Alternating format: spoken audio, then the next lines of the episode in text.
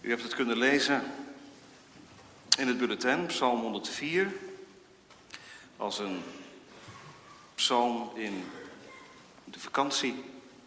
Velen van ons zijn uitgezworven, zijn weer teruggekomen. Anderen zijn in eigen land erop uitgegaan wellicht. We hebben veel gezien van Gods schepping. Vakantietijd is ook een tijd waarin je daar wat meer oog voor hebt. Omdat de drukte minder is. Wij lezen samen een psalm. Er zijn er vele, maar dit is er één van. Die gaat over Gods glorie in de schepping. En ik heb twee vragen. Eén vraag voor de kinderen. Als je mee kunt lezen is dat wat makkelijker, denk ik. Maar als je niet mee kunt lezen, lezen kun je wel luisteren. Probeer eens na te gaan hoeveel dieren in deze psalm genoemd worden. Hoeveel dieren kom je tegen in deze psalm? En dan nog een, uh, een handreiking in het lezen.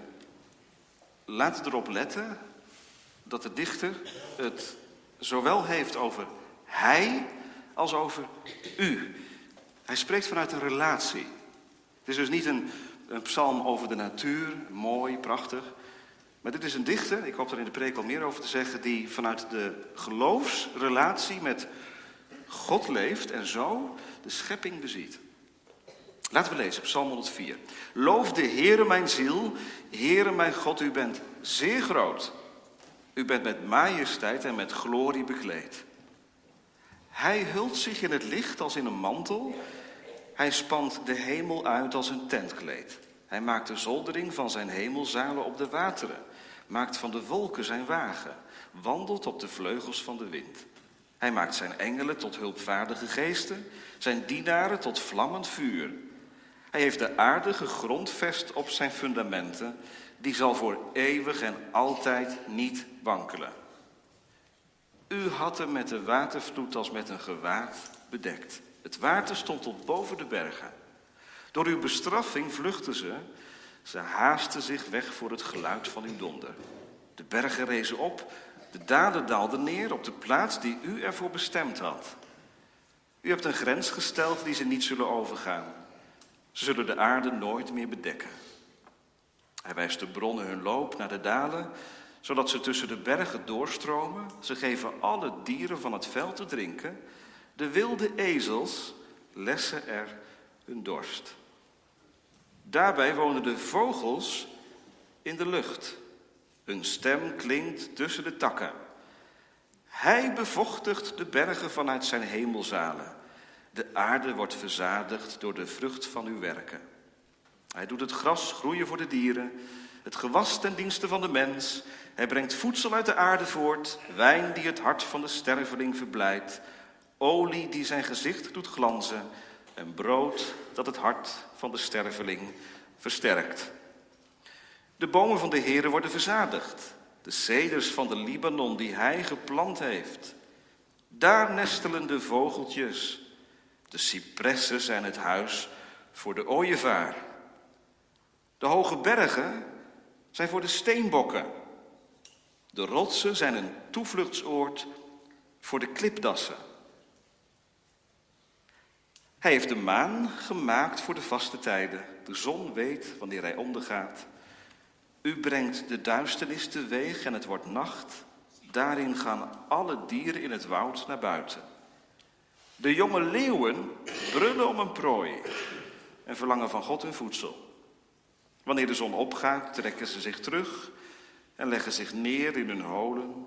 De mens gaat dan op weg naar zijn werk, naar zijn dienstwerk, tot de avond toe. Hoe groot zijn uw werken, heren? U hebt alles met wijsheid gemaakt. De aarde is vol van uw rijkdommen. Daar ligt de zee, groot en wijd uitgestrekt. Daar leeft krioelend gedierte niet te tellen, kleine dieren en grote. Daar varen de schepen. Daar gaat de Leviathan. Dat is een, uh, vermoedelijk een soort uh, zeemonster, een hele grote vis geweest. Die u gevormd hebt om hem erin te laten spelen. Zij alle wachten op u, dat u hun voedsel geeft op zijn tijd. Geeft u het hun, zij verzamelen het. Doet u uw hand open, zij worden met het goede verzadigd. Verbergt u uw aangezicht, Zij worden door schrik overmand. Neemt u hun adem weg, zij geven de geest en keren terug tot hun stof. Zendt u uw geest uit, dan worden zij geschapen en vernieuwt u het gelaat van de aardbodem. De heerlijkheid van de Heere zij voor eeuwig. Laat de Heere zich verblijden in zijn werken. Aanschouwt hij de aarde, dan beeft hij. Raakt hij de bergen aan, dan roken zij. Ik zal voor de Heere zingen in mijn leven. Ik zal voor mijn God psalmen zingen, mijn leven lang. Mijn overdenking van hem zal aangenaam zijn. Ik zal mij in de Heere verblijden.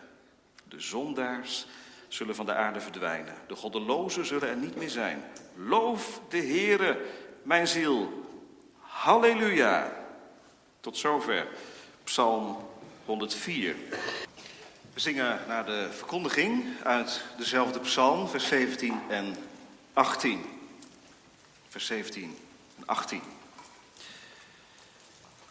Gemeente, in onze vakantie is het de gewoonte dat we bij de maaltijd uh, gedeelte uit de Bijbel lezen. Die gaan over de schepping, over de natuur. En dan kom je al heel snel uit bij de psalmen. Psalm 8, psalm 19, de bergen natuurlijk, hè? psalm 121. Psalm 104, de psalm van vanmorgen, is ook zo'n psalm. Overweldigend, roept heel veel herkenning op, zeker als je buitenslands bent, in een landschap wandelt, wat heel anders is dan het Nederlandse landschap. Psalm 104 is misschien wel de meest indrukwekkende van al die psalmen die gaan over de schepping. Het is alsof je een kathedraal binnenloopt. Nou, dat hebben we ook gedaan, misschien u ook wel in de vakantie. Je gaat de toegangspoort naar binnen en dan word je omhoog getrokken. En dan duizelt het je overal waar je kijkt, lichtval, versieringen, houtsnijwerk, glas in lood. Je voelt je even heel klein. Zo kan het ook zijn in de natuur. Dat is goed. Dat is ook een hele gezonde houding, dat een mens zich klein weet en klein voelt.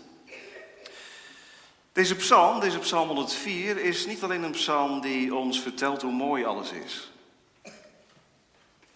Zo kun je hem ook lezen. Prachtig, vogels, vissen, bergen, rivieren.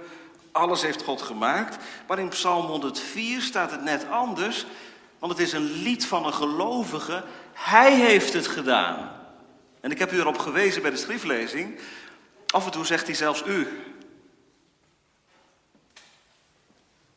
Alsof je als kind het hebt over je vader. En dan zeg je, ja, hij, hij is zus en hij is zo, hij is heel aardig en hij is echt een vriend voor me. En je vader zit aan tafel en vervolgens zeg je als kind tegen je vader, ja, u, u bent zo geweldig. Nou, dat kun je alleen maar zeggen als je kind bent. Als er een goede, gezonde relatie is tussen kind en vader. Daar is hier sprake van. En zo luisteren we vanmorgen naar deze psalm onder het thema Hoe heerlijk is uw naam. We letten op drie punten. Allereerst leven in Gods schepping. Want wie is die persoon? Wie is die ik die wij tegenkomen in vers 33? Vervolgens zingen voor Gods aangezicht. Dan gaan we de tekst goed bekijken. Wat staat er nou eigenlijk? Ik zal voor de Heer zingen, psalmen zingen.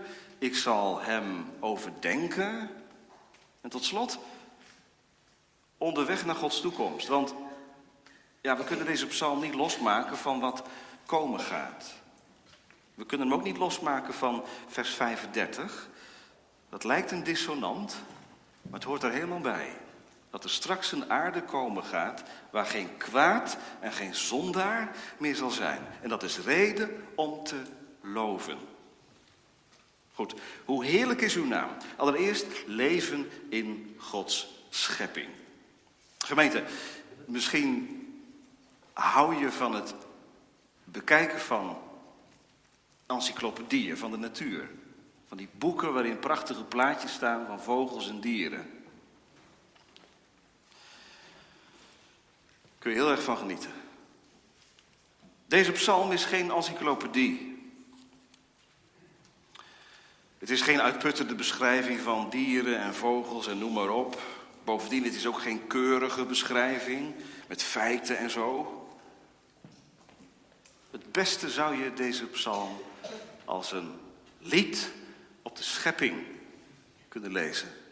Het is een lied op de schepping.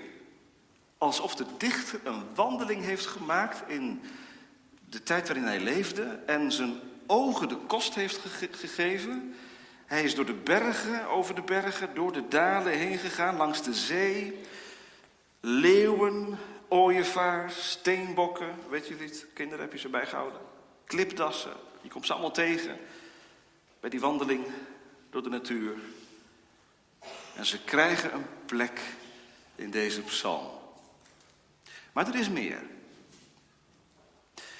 Deze dieren worden in een bepaald verband geplaatst. En ik laat u dat zien aan de hand van de indeling van deze psalm.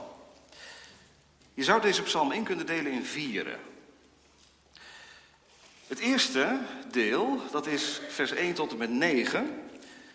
Je zou kunnen zeggen dat is de beschrijving van de wereld zoals die aan de oosterling van toen zich voordeed. De aarde is vastgezet. De hemel is uitgespannen als een tentdoek. De zee is begrensd. Ik woon op een wereld die door God geschikt is gemaakt om te leven. Er zit een dak op, er zijn grenzen. En nu de inrichting nog. En dat volgt in vers 10 tot en met 23. Dan gaat het over water, over bos en bomen, over dieren.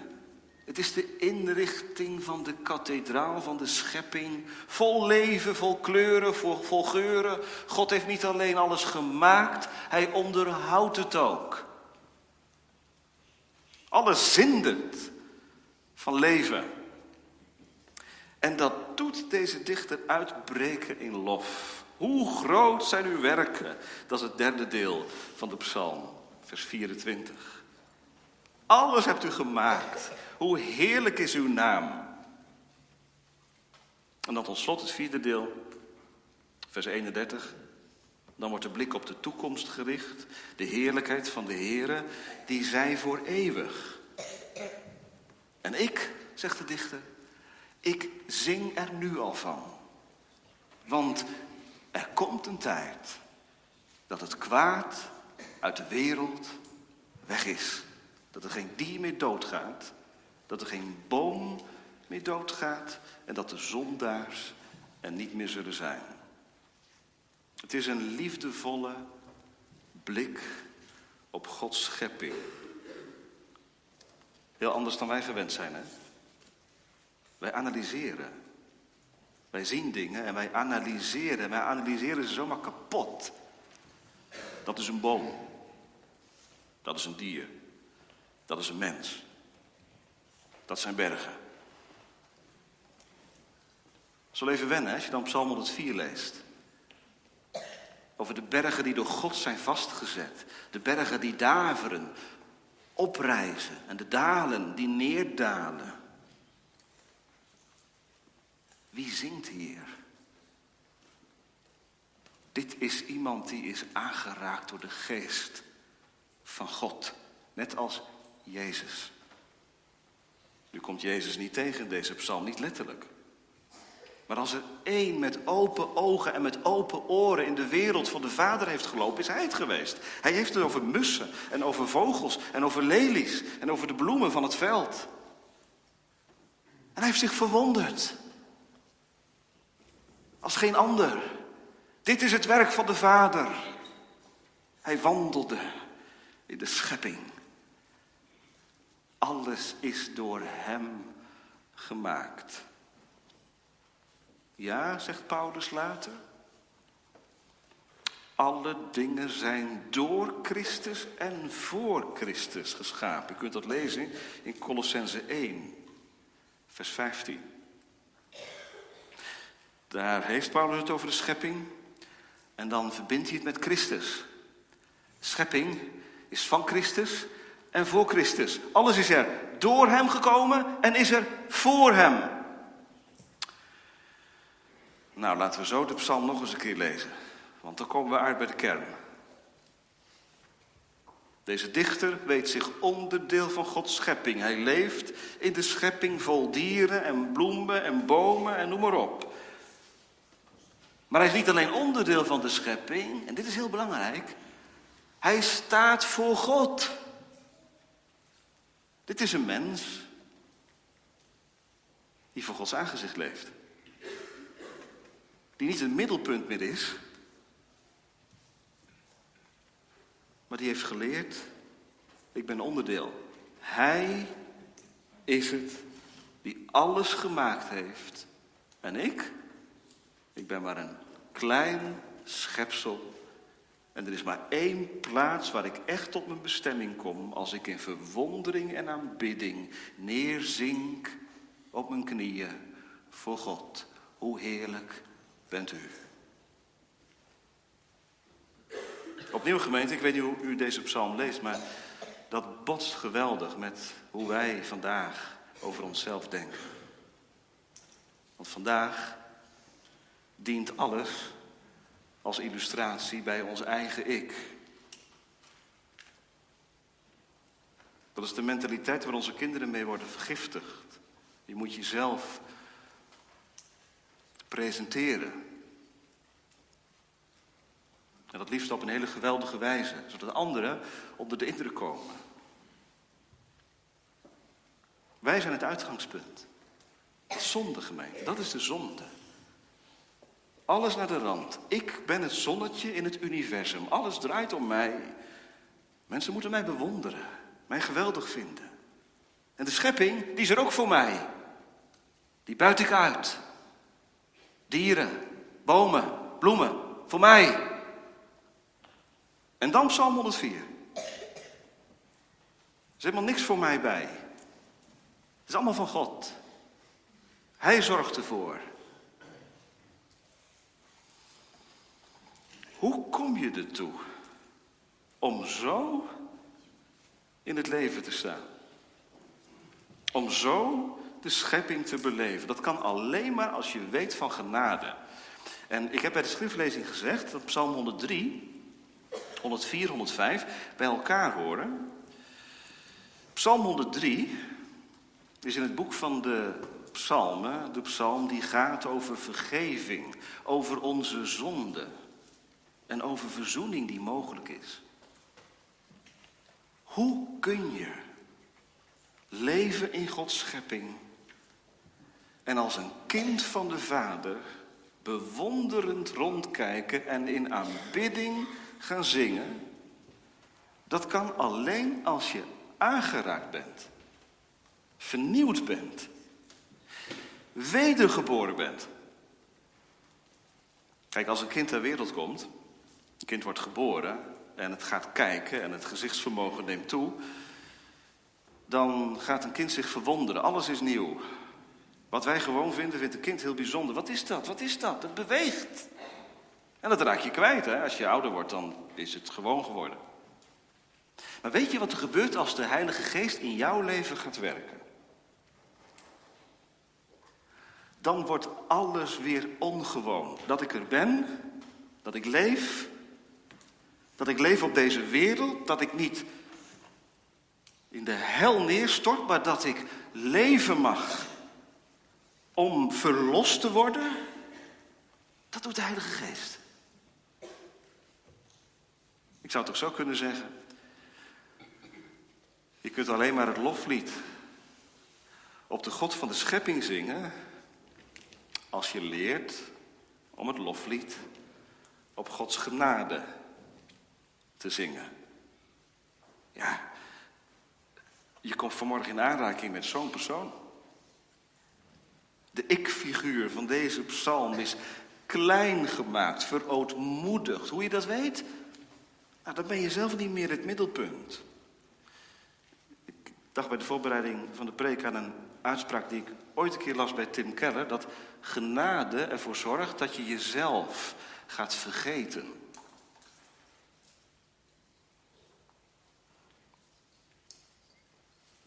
Ik wacht even, want daar moet je even over nadenken. Genade zorgt ervoor dat je jezelf meer gaat vergeten. Door Jezus Christus heb ik geleerd dat iemand anders belangrijker is dan ik. Hij moet groeien en ik minder worden. Oh, dan is het zo heilzaam gemeend om zo'n psalm te lezen. Want zeg nou zelf, waar gaat het in deze psalm eigenlijk over ons mensen? Twee keer worden we genoemd. Niet meer. Het gaat over wat God doet. Wat God gemaakt heeft. Schepping is als een mooi boek, zal de Nederlandse geloofsbelijdenis later aan ons meegeven. Waarin wij mogen bladeren en waarin allerlei verschillende zinnen, woorden staan. Ja, vrienden, jonge mensen, zo mag je straks naar buiten gaan en de wereld ingaan.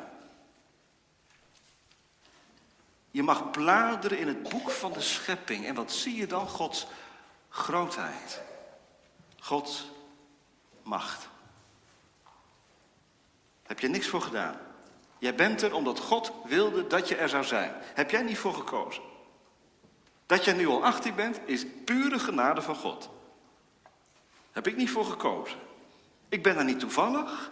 Ik ben er omdat God het de moeite waard vond om mij te scheppen in de buik van mijn moeder. Zoals God de ooievaars maakte en de steenbokken en de klipdassen. Zo beschikte hij een plaats voor mij in zijn schepping.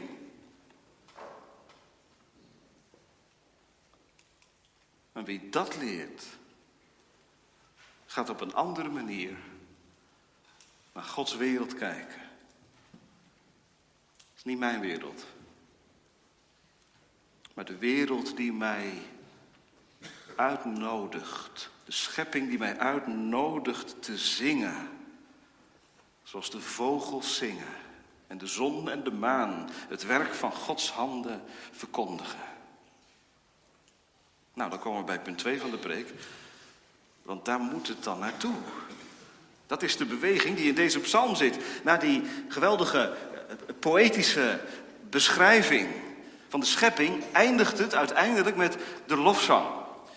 De tweede gedachte van de preek. Zingen voor Gods aangezicht. Wij eindigen vaak met mooi hoor. we zijn uh, op vakantie geweest. En hebben zoveel moois gezien. Prachtige uitzichten wonderlijke dieren. Nou, deze dichter gaat nog iets verder. Die zegt niet, het is allemaal mooi en prachtig.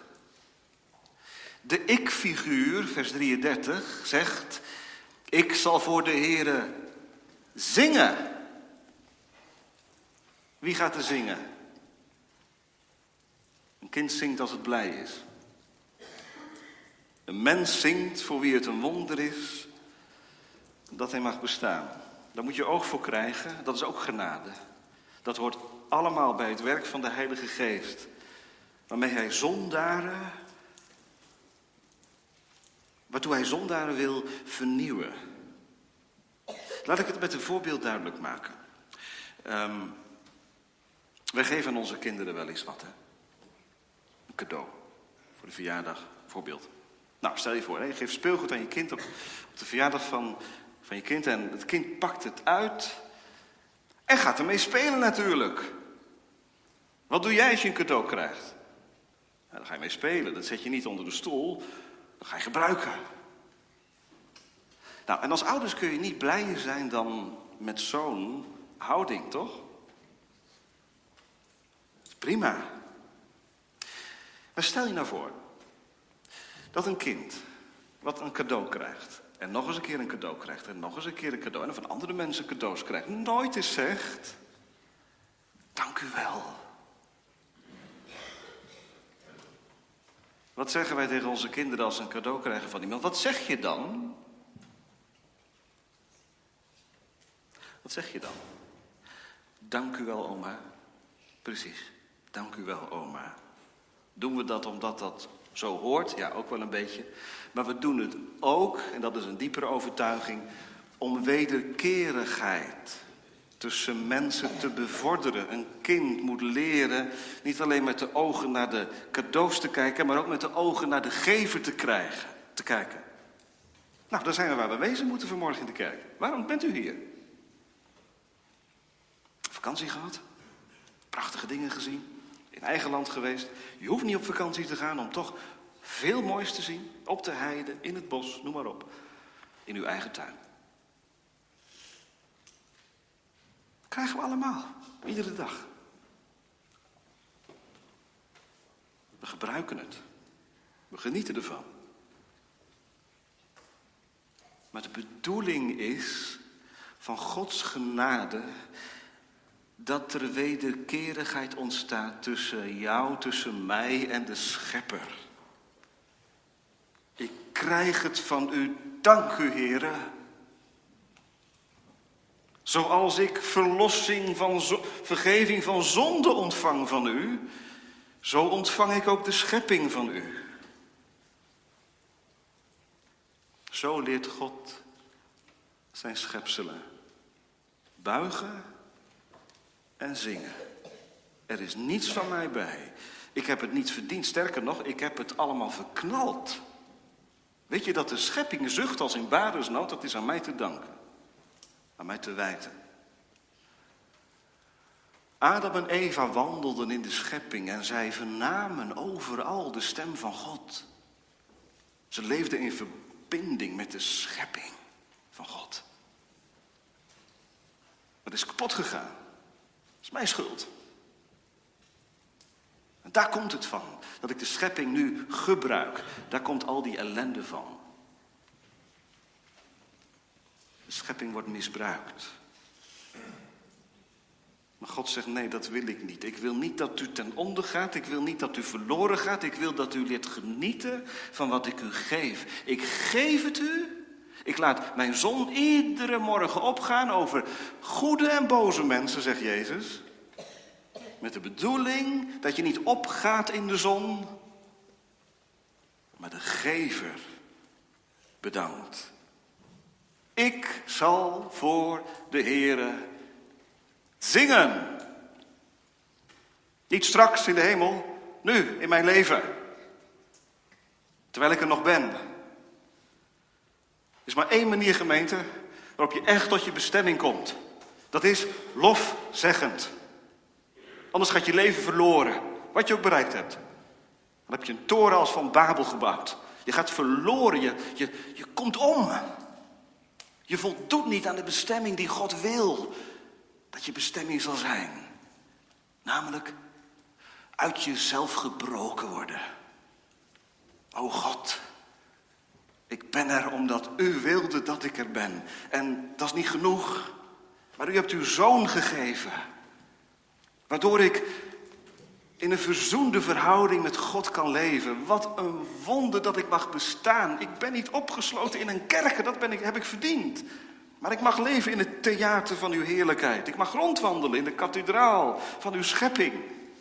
En ik kijk rond en ik verwonder mij. En ik mag zingen.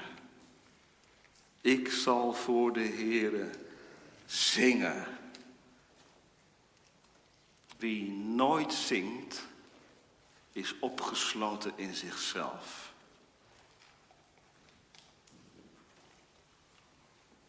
Dan ben je trots en verwaand. En u weet toch hoe God omgaat met trotse en verwaande mensen. Psalm 138. De nederige kent hij. Maar de hoogmoedige, die zal hij verstoten. Gemeente op Psalm 104 is een uitnodiging.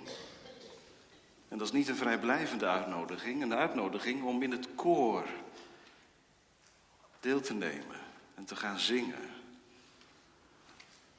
Ja, hoe moet dat dan? Is dat dan? Moet ik dan letterlijk gaan zingen? Moet ik dan dank u, voor deze nieuwe morgen. Dank u voor. Ja, begin daar maar mee, ja. Geen flauw kinderliedje. Dat is in het geloof heel diep waar. Dat mag je ook als je 60 bent. Iedere morgen. Misschien doet u dat wel. Iedere morgen zeggen. Dank u voor deze nieuwe morgen. Dank u voor deze nieuwe dag. Dank u voor de bloemen en de bomen en de dieren. U bent groot. Halleluja.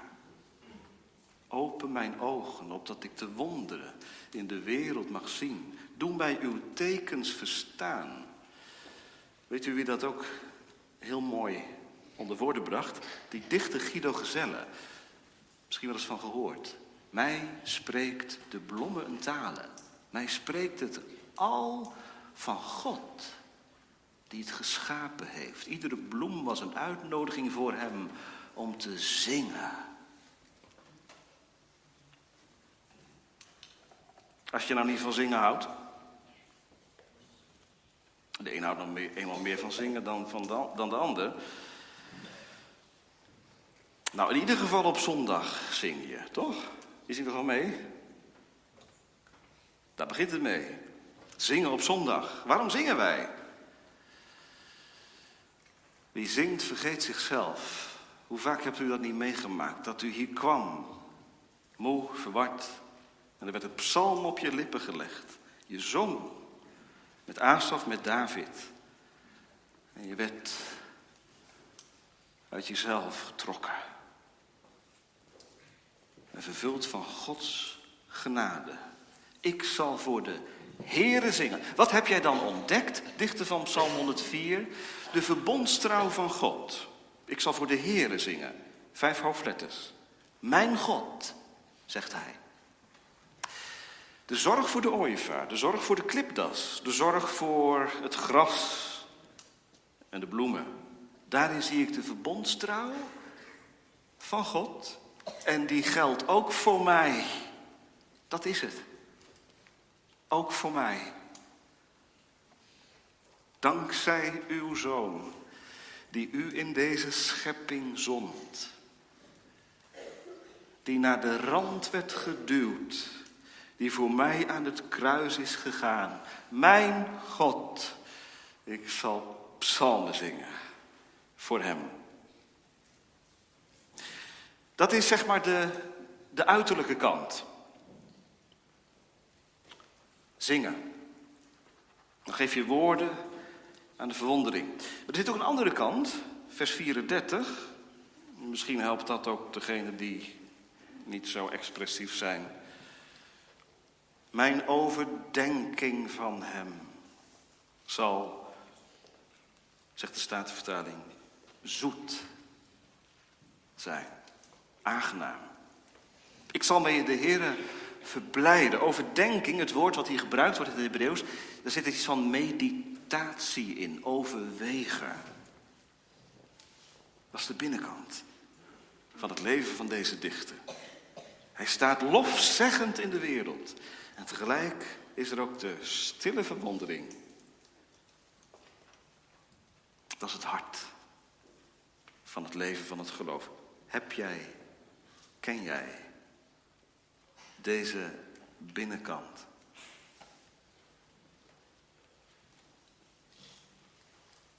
Overdenking van Hem. Gewoon even tussendoor, hè, jonge mensen. Hebben jullie dit in je leven? Overdenking van Hem. Wat bedoel ik dan? Nou, precies zoals het er staat. Dat er, en misschien ben je daar door de vakantie wel extra door geïnspireerd. Dat zou kunnen, want je bent in een andere omgeving geweest. Je gedachten zijn schoongewaaid. Maar dat je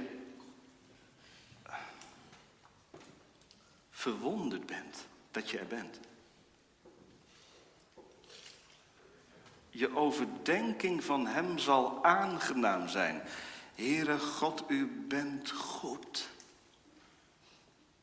U bent zo genadig. Leer mij u lief te hebben zoals u mij lief hebt. Ik zal mij in de Heere verblijden. Dat staat er. Dat is toch een wonder, gemeente? Dat je zo in Gods wereld leven mag. Dat je zo mag genieten van Gods werken. En dat de werken van zijn handen je brengen bij zijn hart. Achter iedere bloem zit de genade van God. Die niet wil dat deze wereld naar de kelder gaat. Inclusief mij en u. Achter ieder dier zit de goedheid van God. Die niet wil dat ik verloren ga. Maar die zegt, we zijn onderweg naar de nieuwe aarde. Waarop gerechtigheid woont. Nu gaan de bloemen nog dood. Nu gaat de zon nog onder. Maar straks. Straks zal het altijd licht zijn. Geuren en kleuren als nooit tevoren. Gemeente, ik geloof dat deze dichter veel gewandeld heeft in zijn leven. Dat bedoel ik letterlijk zo. Veel gewandeld. Hij had geen last van de aantrekkingskracht van schermen, denkt u wel? Geen tablet, geen telefoon. Heerlijk. Wij kunnen ons dat niet meer voorstellen. Maar wie wandelt, ziet meer dan wie op zijn scherm tuurt. Dat is wel duidelijk. Ik ga het verder niet uitwerken, maar ik geef het alleen maar even mee. Wandelen. Adam en Eva wandelden door de hof en zij hoorden aan de wind des daags dat God er was. Er is zoveel reden tot aanbidding en tot zingen.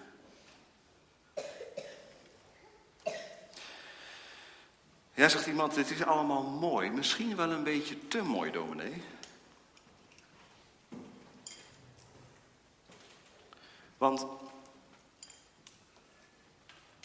er gebeurt zoveel ellendigs in deze wereld. Ik bedoel, de klimaatcrisis, milieurampen. En dan wat wij ervan maken. De uitputting van de wereld waar u en ik aan meedoen. En dan het lijden. In de schepping, dieren die doodgaan, dieren die elkaar doden. Het lijden in mijn eigen leven, de gebrokenheid. Zingen, dominee, zingen. Ik heb soms meer reden tot klagen. En tot verdrietig zijn. Dat kan. Dat kan heel goed. En die psalmen zijn er ook, hè? Dit is één psalm. En toch wel zingen. Weet u waarom? Omdat het derde punt van de preek ook waar is. Onderweg naar Gods toekomst. En nu betrekken we vers 35 bij vers 33 en 34. Ik vind het lastig. Ik heb het heel lastig gevonden in de voorbereiding dat zo'n psalm zo eindigt. Je hebt het ook met psalm 139, hè? Dat eindigt ook zo, zo zwart voor ons gevoel. Met de goddelozen die, die weg zullen zijn straks. En toch, hoe heftig het ook is, en het is heftig wat hier staat. Hè? Ik bedoel, het gaat hier over mensen die vanmorgen hier misschien wel in de kerk zitten. Zondaren, goddelozen, die er straks niet meer zullen zijn. Ze zullen van de aarde verdwijnen en met hen de zonde. Gelooft u dat? Dat dat het grootste probleem is van de schepping en van de natuur? Niet de gevolgen, maar de mensen, wij. God pakt het probleem straks bij de kop aan, bij de kern. Dat is niet een plan om de wereld te redden, maar dat is radicale opruiming. Zondaars en goddelozen ze zullen verdwijnen, ze zullen er niet meer zijn. Er komt een aarde, een nieuwe, gezuiverde, gereinigde aarde. En het Nieuwe Testament spreekt daar nog veel nadrukkelijker over. Waar God en zijn glorie en zijn geest zullen zijn. En wij, als wij hier hebben leren zingen voor God, leren leven van zijn genade, wij ook. Wij zullen daar zijn. Hoe gebroken je leven op dit moment ook is, daar gaat het naartoe. Daarom eindigt de psalm niet met de goddeloze, maar eindigt het met loof de Heere mijn ziel. Halleluja. Maar hier zit wel een enorm appel in. Want we gaan straks naar buiten toe. En we gaan deze week, misschien heb je nog vakantie, de wereld weer in. Wandelen. Maar hoe, hoe, denk je dat te doen, gemeente? Hoe moet je dat doen als je hoort bij de zondaars en bij de goddelozen? Hoe? Dan is iedere bloem, ieder dier, dan is de schepping een aanklacht.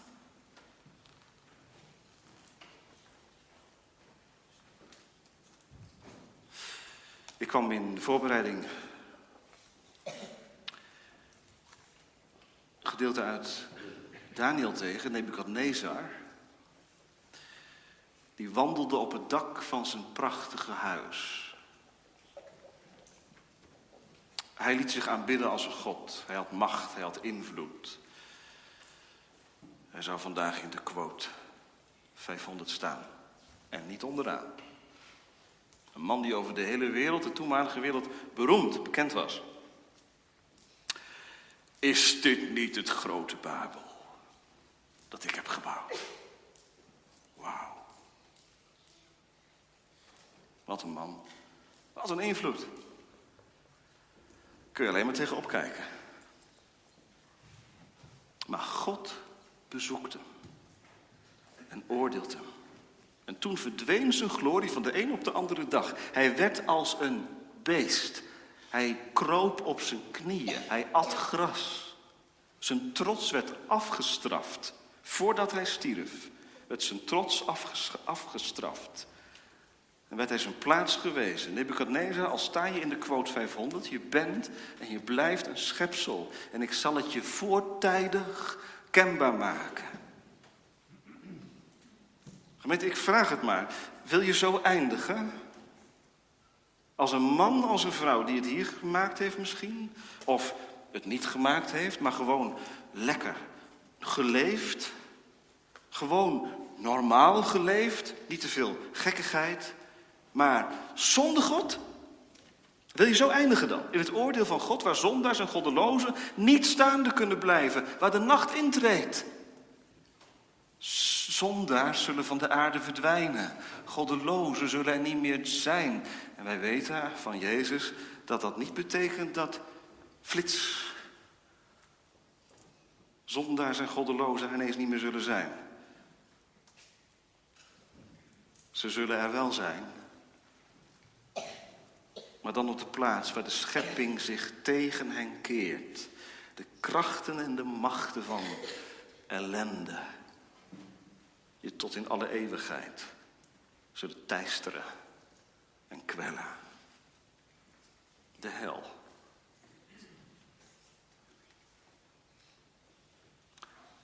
God raakte Nebukadnezar aan. Ik hoop niet dat God dat zo moet doen met jou als bij Nebukadnezar. Maar voor Nebukadnezar was dat het moment dat hij ging loven. Dat staat ook in de Bijbel. De man die heel hoog stond genoteerd. Keldert. En daardoor verheerlijkt hij God. Zo hoeft het niet hoor. Het is een, het is een waarschuwing voor iedereen die denkt op deze wereld neutraal het kunnen zijn wel genieten van het mooie en het goede, maar niet zingen voor God, bij wie alles vandaan komt. Je bent niet te verontschuldigen na deze preek. Je wordt aangesproken door de schepping en wat meer is, je wordt vanmorgen aangesproken door, door God zelf. Zing mee, opdat je niet zult verstommen maar zult leven tot in alle eeuwigheid. Gemeente, je moet er toch niet aan denken dat in een paradijs, dat daar het kwaad ook zal zijn. Op de nieuwe aarde zullen alle kapotmakers, alle vernielers, alle lasteraars, alle egoïsten, alle gemene mensen weg zijn. En God zal zijn, alles en in allen. Loof de Heere, mijn ziel. Waarom moest ik deze preek vanmorgen horen? In mijn vakantie, net nadat ik terugkom van vakantie. Of op mijn vakantieadres. Weet je waarom? Er is niemand in Gods schepping die ons liever heeft dan Jezus Christus. En die vanmorgen tegen je zegt, kom zoals je bent, in jezelf gekeerd, zondig en onrein. Er heeft een kruis in mijn schepping gestaan. Ik heb geleden voor jouw zonde. Maar ik heb ook geleden om de schepping te verzoenen.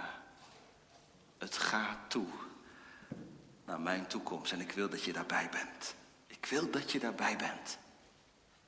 Zegt God, de verbondsgod. Wat is je antwoord? Ik zal, zolang ik het levenslicht geniet, Gods mogendheid verheffen in mijn lied. Amen.